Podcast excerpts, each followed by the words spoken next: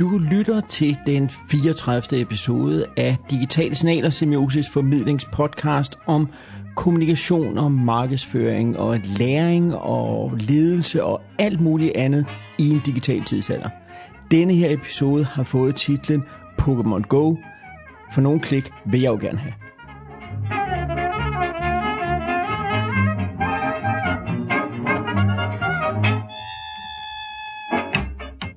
Mit navn er Adam Bindslev, og du lytter til den 34. episode af Digitale Signaler.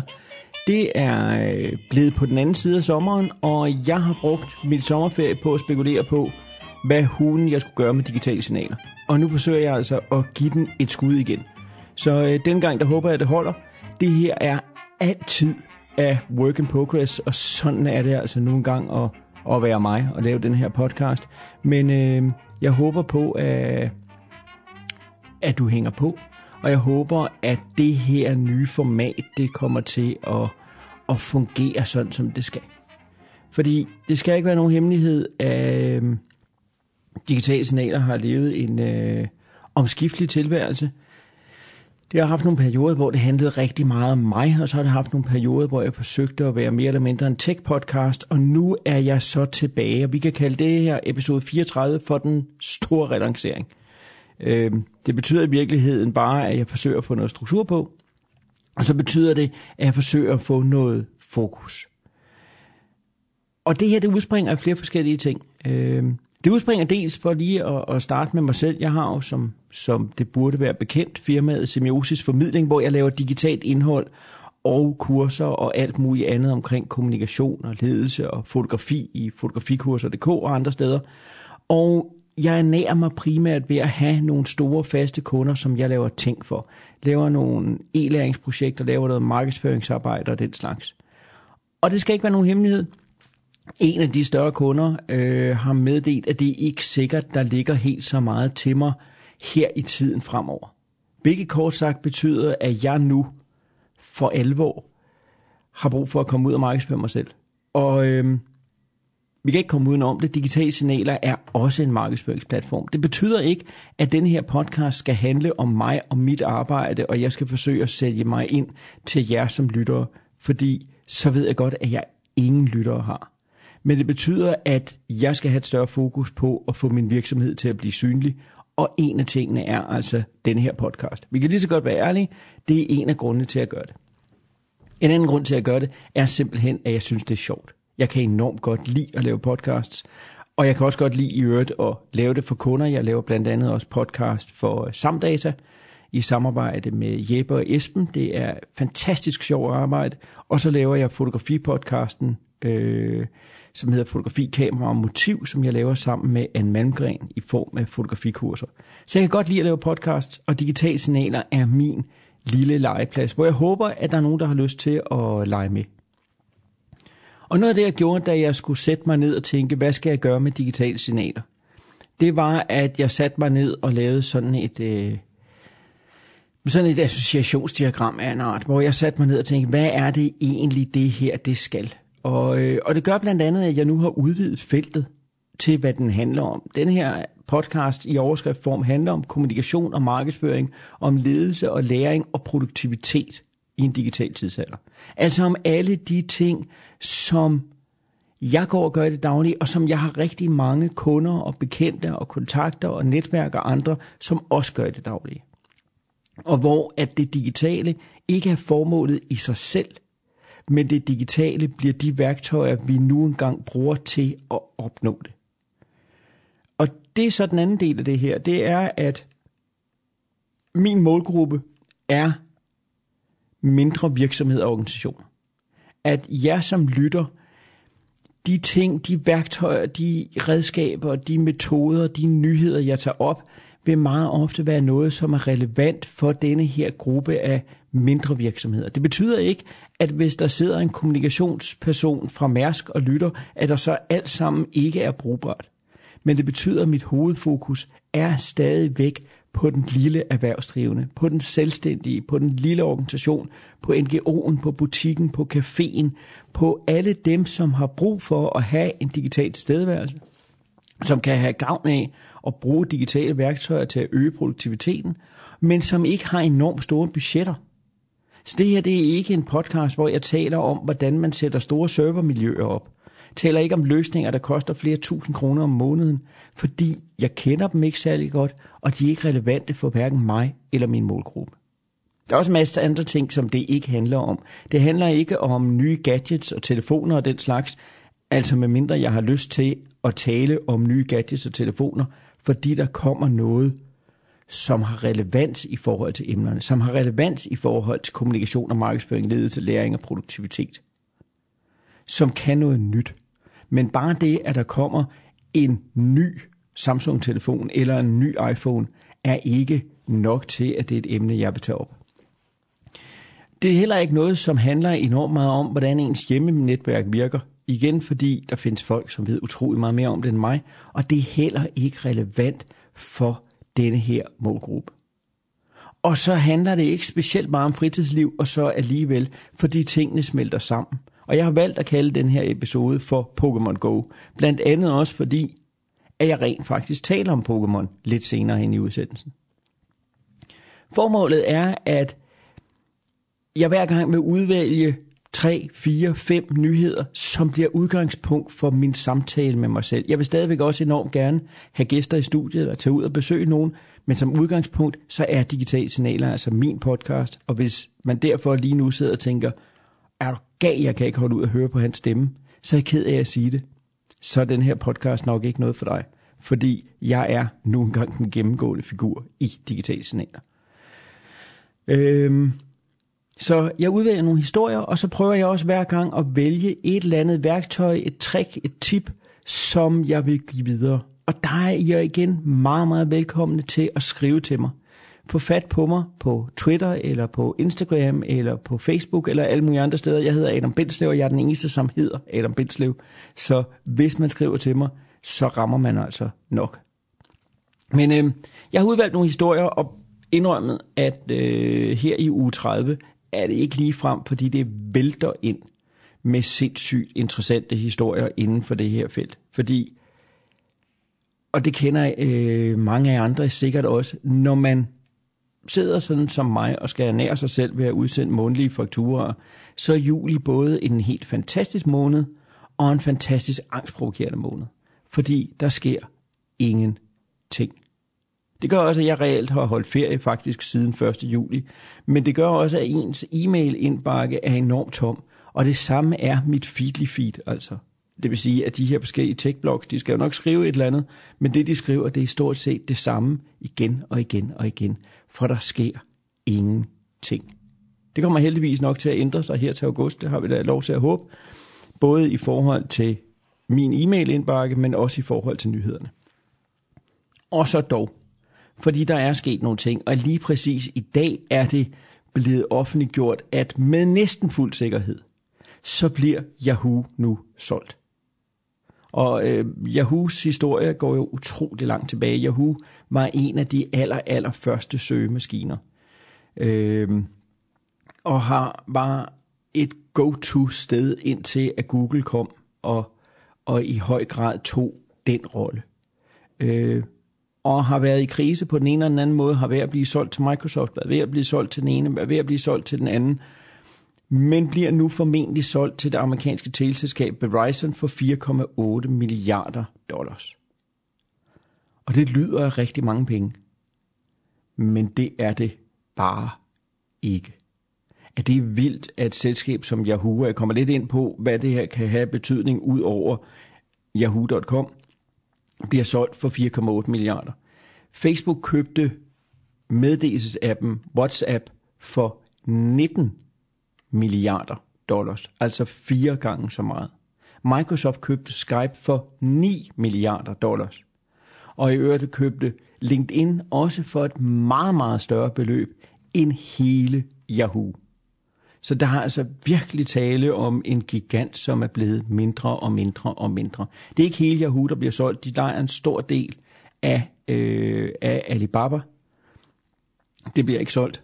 Øh, men de sælger øh, størstedelen af deres ejendom i Silicon Valley, og så sælger de deres core business, altså søgemaskinerne, og så vidt som jeg kan se, og det er her, hvor det bliver interessant, fordi at søgesitet og websitet og sådan noget har ikke enormt stor relevans for os i Danmark.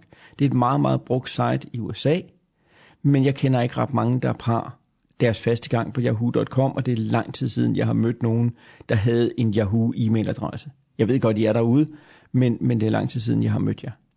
Men Yahoo ejer bare også rigtig mange andre ting. Og først og fremmest så det, som falder mig i øjnene, det er, at de ejer Tumblr, og de ejer Flickr. Og begge ting har fået lov til at leve et ret stille liv, hvor der ikke rigtig sker noget. Og spørgsmålet er, om det bliver ved på den måde. Hvad kommer der til at ske med Tumblr? Hvad kommer der til at ske med Flickr, nu hvor de bliver solgt? Er det muligt at genopleve? Altså jeg lægger stadigvæk ind imellem billeder op på Flickr, og det sker der ingenting ved. Da jeg startede med at, at, at for alvor lægge billeder ud på nettet, der var Flickr stedet.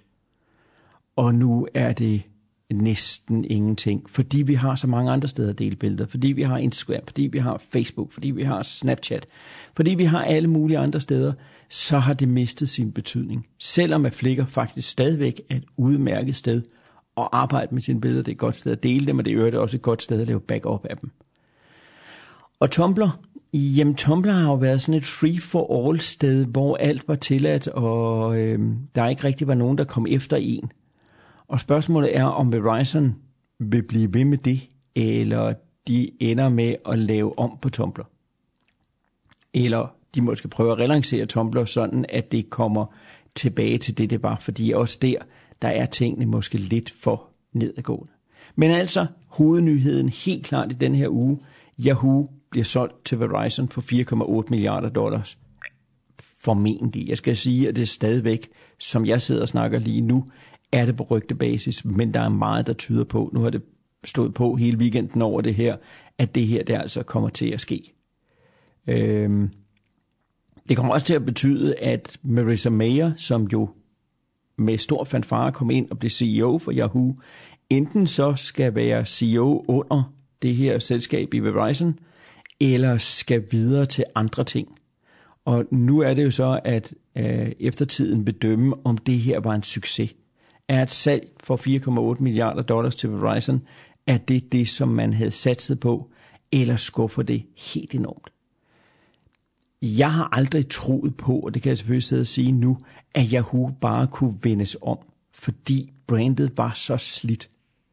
Øh, vi var begyndt at grine af Yahoo, og det værste, der kan ske for et website, er, at man begynder at grine af det. At man kunne også godt i sin tid prøve at relancere MySpace men løbet var bare kørt. Og det samme i øvrigt også med sådan et site som Google+, hvor jeg synes stadigvæk, Google Plus er et enormt godt miljø. Jeg synes stadigvæk, Google Plus kan en masse forskellige ting.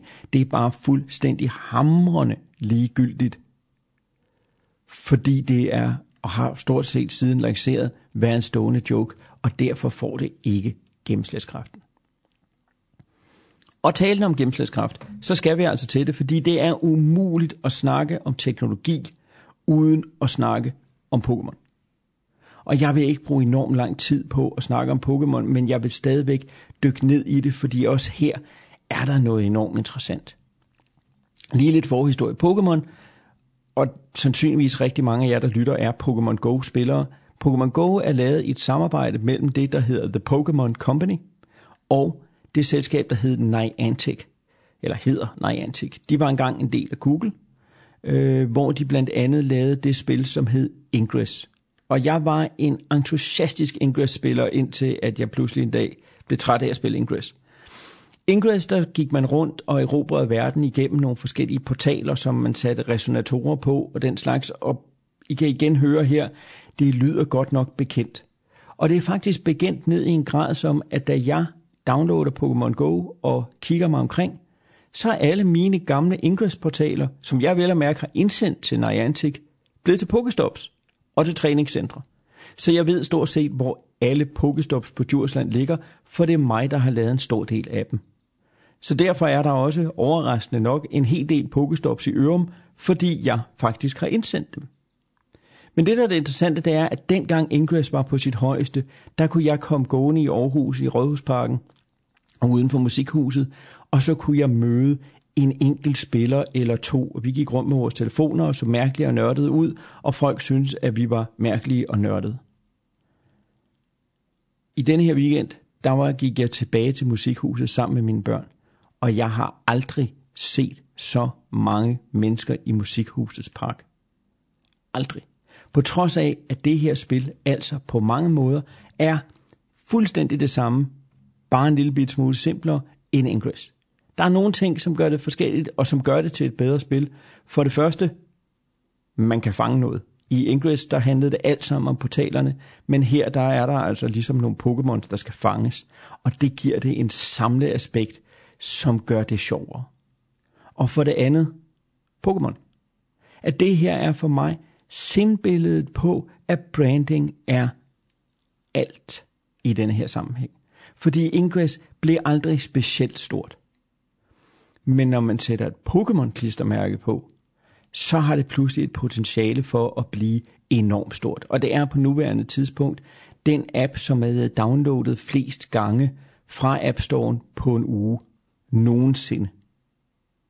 Det er lige blevet lanceret i Japan på en weekend 10 millioner installationer. Det er en utrolig stor succes. Og med store succeser kommer så også en masse af sådan fear, uncertainty og doubt. Og jeg må indrømme, at jeg er ved at være virkelig træt af at høre nyhedsudsendelser og læse avisartikler, som snakker om Pokémon, og som udlægger det på den ene eller den anden måde, om det så er fra Stine Bosse, der synes, at man ikke længere, at man ikke skal gå rundt og fange ting, som ikke er der. Eller det er folk, der advarer mod, at det her, det er storkapitalen, der overvåger os. Og i forhold til det her med storkapitalen, der overvåger os, så vil jeg egentlig bare henvise til version 2, hvor Jesper Stein Sandal har lavet en fremragende artikel om, hvorfor Pokémon Go ikke er der for at høste dine bevægelsesmønstre. For der, der er nogle ret gode pointer i den, jeg kan godt lige tage nogle af dem her. For det første, hvis man godt kan tænke sig at kende mine bevægelsesmønstre, vide hvor jeg går og hvor jeg ikke går, så er det ikke særlig interessant at overvåge mig, når jeg spiller Pokémon, fordi jeg så går i små trekanter mellem tre statuer og et springvand. Det siger intet om, hvordan jeg opfører mig til daglig. Det siger noget om, hvordan jeg opfører mig, når jeg spiller Pokémon og oven i købet så registrerer spillet ikke min lokation, når det er på pauseskærmen, og det er lukket ned. Det vil altså sige, det er ikke nogen specielt gode data. Så alene af den grund, så er der altså ikke nogen grund til, for vidt som jeg kan se, til at tro, at det her, det er et trick til at få, få fat på, hvor vi befinder os. Og det er CIA, der står bag, og hvad der ellers har været af mærkelige myter. Og der kan garanteret komme nogen, sidde nogen derude nu og sige, ham Adam, han er simpelthen for naiv, men jeg tror simpelthen ikke på det. Og en af grundene til, at jeg ikke tror på det, det er også, at der er kommet statistik om, hvor meget der bliver købt i spillet. Og Pokémon Go sælger mere i in-app purchases end alle andre spil til sammen. Så der er ikke brug for, at grunden til, at spillet det findes, det er for overvåget. Nej, grunden til, at spillet findes, det er fordi, det laver kassen. Det er lanceret i Japan i et samarbejde med McDonald's, hvor alle McDonald's butikker er træningscentre. Sådan at man kan komme ind hos McDonald's, man kan få ladet sin telefon, og man kan træne sin Pokémons, mens man æder så fed i burger. Se, det er kommersiel tænkning. Man har ikke brug for at sælge mine private data, hvis man kan nøjes med at sælge sponsorater, in-app purchases og subsidieret en masse burgere. Så derfor så tror jeg ikke på det her som en overvågning. Det jeg heller ikke tror på, og her kan jeg komme til at tage enormt meget fejl. Jeg tror heller ikke på, at det holder. Jeg tror simpelthen ikke på, at noget kan blive så hypet, som Pokémon har været her i de sidste 14 dage, og så stadigvæk være til nærmest så interessant til november.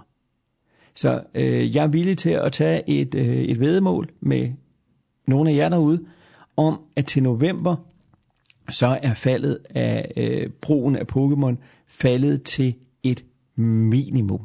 Og det kommer, der kommer til at være en masse træningscentre, som man slet ikke skal slås om i samme grad, fordi der ikke længere er nogen, der kører rundt. Lanceringen samtidig med sommerferien her har været genial, fordi folk har tid. Men når det bliver hverdag og november og regnvejr og koldt, så tror jeg simpelthen ikke på, at Musikhusets Park er fyldt med folk, der jæger Pokémon. Så vil det være okay, det var meget sjovt, men Men nu får vi se, altså. Det er... Øh, jeg synes, det er interessant, og der er jo også nogle andre aspekter ved det, som er enormt interessant. Vi har gjort meget ud af i pressen det her med, at det er et augmented reality-spil, ved at man ved hjælp af kameraet kan se Pokémonen i omgivelserne. Og ja, det er lidt augmented reality, og det er jo augmented reality i virkeligheden mere ved, at geografiske lokationer af Pokestopsene har betydning. Men selve det at lave et overlay på et billede for kameraet er jo ikke rigtig augmented reality, fordi så skulle det være sådan, at Pokémon virkelig sad på bordet, og lige meget var for en vinkel, jeg så det fra, så ville den stå der, og det er jo ikke tilfældet. Men, men det er en start, og det er selvfølgelig også interessant at se, hvad der kommer ud af det her. Kan, kan det her betyde, at sådan noget som Foursquare Swarm pludselig får flere brugere, fordi folk bliver vant til at bruge deres geolokation? Eller er det her undtagelsen, der bekræfter reglen, at her vil folk gerne gå rundt og bruge deres telefon ude i det offentlige rum på en måde, de ikke har gjort før. Men når det er overstået, så holder de op med det igen.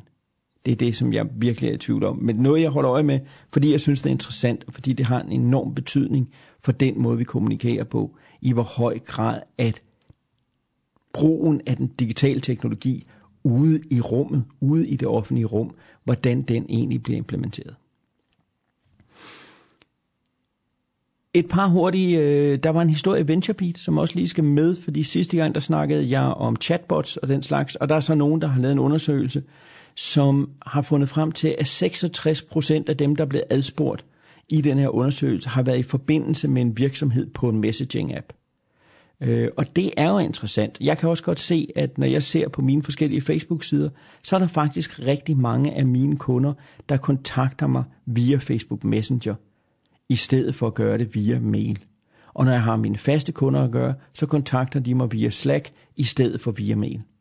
Så der sker et eller andet derude, og jeg vil sige, man skal virkelig være opmærksom på, hvordan man kan integrere det i sin virksomhedskommunikation, både internt og eksternt.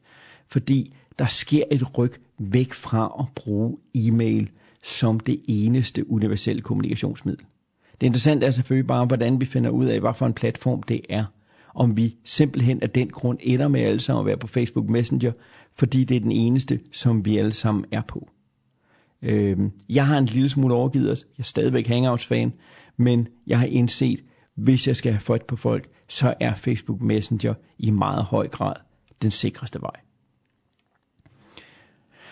Og den sidste, det er sådan lidt mere, det er halvpersonligt, og så stadigvæk ikke. Øh, noget af det, jeg beskæftiger mig meget med, det er jo e-læring. Og øh, og jeg tænkte, nu skal jeg altså afprøve nogle af de her forskellige e-læringsværktøjer, og kastede mig derfor over Usition, som er et, øh, en app, som øh, fås både til Android og til iPads og til PC og til Mac, som kan lære en at spille musik. Og her er så lidt af den personlige historie. Jeg gik til forskellige former for instrumenter på Hørsholms Kommunale Musikskole igennem en stor del af min barndom. Og selvom jeg sikkert havde kvalificerede lærere, der forsøgte at lære mig at spille blokfløjte og saxofon og guitar og bas og jeg tror det var det, så lykkedes det ikke for nogen af dem. Mine forældre har brugt formuer på at sende mig til musikundervisning, og jeg lærte ingenting. Og så tænker jeg, nu må jeg simpelthen prøve igen. Jeg vil prøve det her som et e-læringseksperiment, fordi jeg tror på, at e-læring må og kan skulle hjælpe i de her sammenhæng. Så jeg henter Usician og, øh, og går i gang, og har nu øh, været i gang med at spille klaver på Usician i små 14 dage. Og må sige, jeg er meget, meget imponeret, fordi det lykkedes på det her lille program at gøre noget, som der altså ikke lykkedes høre som kommunal musikskole i fire år, fem år. Nemlig for det første få mig til at øve hver dag, hvilket jeg øh, ærligt talt havde forsvoret, og faktisk få mig til at blive bedre. At det her program er enormt god til hele tiden at give mig feedback og få mig til at føle, at jeg også bliver dygtigere. Og her er igen, hvis vi skal udlede noget af det her og komme med et godt råd, hvis man laver læringsmaterialer, det kan være til medarbejdere, det kan være til kunder, det kan være, at man udbyder læringsmaterialer som et kommersielt produkt, så det med hele tiden at give folk følelsen af, at de bliver bedre. Og her der gør de det så i form af, at jeg får nogle guldstjerner og sådan noget. Så der er sådan et gamification element over det. Men det hele tiden at sørge for, at folk fra følelsen af fremskridt er essentielt. Fordi der var faktisk øh, meget sjovt, der var, øh, jeg kom til 6. lektion eller sådan noget i den stil, og lige pludselig så var der en eller anden bakmenuet, som ikke bare var svær, men som var sindssygt svær. Og jeg brugte måske seks dage, to timer hver dag, på langsomt at indøve den, og jeg blev også bedre, men det begyndte at blive enormt frustrerende. Og så en morgen, så kommer jeg og åbner 6. lektion, og så har de lavet den fuldstændig om. Simpelthen fordi der er kommet feedback på, at læringskurven her blev for stejl. Lige pludselig så blev det altså rigtig, rigtig svært. Så derfor så lavede de den her 6. lektion om. Hvor min minuet er henne nu, det ved jeg så til gengæld ikke, og det glæder mig lidt til at finde ud af, for jeg var jo faktisk ved at lære den. Men, men det er en interessant konstatering også det her med at sætte et læringstempo, som er lige tilpas. Og det gælder altså både, når det er sådan noget som musik, hvor meget af det jo ligger i noget, i noget muskel, muskelhukommelse, men også alle mulige andre ting. Hvis vi skal lære folk at fotografere, hvis vi skal lære folk at bruge sociale medier, hvis vi skal lære folk ledelse. Jeg har lavet en del ledelsesmoduler omkring projektledelse og forandringsledelse og ledelse i praksis. Når vi skal lære folk de her ting, så hele tiden sikre, at det bliver sværere og sværere, men ikke at det pludselig bliver så svært, at man knækker. Og det er en hård, hård, fin grænse at føre. Men altså, jeg skal nok komme med løbende opdateringer på, hvordan det går med mit klaverspil. Jeg er ikke et sted endnu, hvor jeg kunne drømme om at udsætte nogen som helst andre mennesker for det, andet end min familie, der skal leve med at lytte til det. Men altså, det er interessant at se på, hvordan de her øh, apps, de, eller de her e-læringsforløb kan, kan hjælpe en. Og, og jeg vil løbende her i den næste tid afprøve forskellige e-læringsforløb, se på, hvad de kan, hvad er det, jeg kan lære, og hvad er det, der fungerer for mig. Og selvfølgelig er der nogle af jer, der har erfaringer med e-læring, godt som dårligt, så jeg meget, meget gerne høre fra jer. Og så skal vi til det sidste segment, nemlig ugens anbefaling. Fordi her på falderæbet, der vil jeg gerne komme med en anbefaling, som jeg håber, at I som lyttere kan bruge til noget. Og det her, det var faktisk noget, som jeg opdagede lidt ved et tilfælde. Og det kan godt være, at alle jer har hørt om det, men jeg havde ikke set det før. Jeg kommer ned på mit lokale bibliotek, og der hænger der en lidt fedtet fotoskopi, hvor der står, at man kan få Cineo-magasiner på sin iPad gratis gennem biblioteket. Jeg tænker, hov, jeg har brugt Cineo tidligere, øh, og det kunne egentlig være meget interessant. Gå ind, laver mig en konto og kan konstatere, at jeg har valget mellem 350 forskellige engelsksprogede tidsskrifter. Det er New Yorker, det er Uncut, det er Wallpaper, det er Newsweek, det er Amateur Photographer. Det er alle mulige relevante blade inden for alle mulige forskellige fagområder. Og det koster gratis. De kan simpelthen bare hentes ned på ens iPad, kan læses, og man kan få, sætte den til, at man får en besked, når det nye nummer kommer. Så hvis man interesserer sig for magasiner, så er der altså her en guldgruppe. Gå ind, søg på Cineo og dit lokale øh, biblioteks navn, altså din kommune, for at se, om de er en del af det. Jeg har ikke kunnet finde en liste over, hvad for nogle biblioteker, der er på. Men det er altså virkelig, virkelig et hit. Det her, det var den 34. episode af Digitale Signaler. Den kom til at handle om alt lige fra meget, meget store virksomhedshandler til mit forhold til Hørsom Kommunale Musikskole men jeg håber, at det var interessant at høre på. Hvis der er nogen kommentar, hvis der er nogen bud på, hvad de kommende anbefalinger og tips skal være, eller er det hele taget bare nogle historier, som man godt kunne tænke sig at tage op, så skriv til mig, Adam Benslev på Twitter, Adam Benslev på Instagram, Semiosis Formidling på Facebook, eller bare på ab Og så glæder jeg mig rigtig meget til at tale med jer igen næste gang.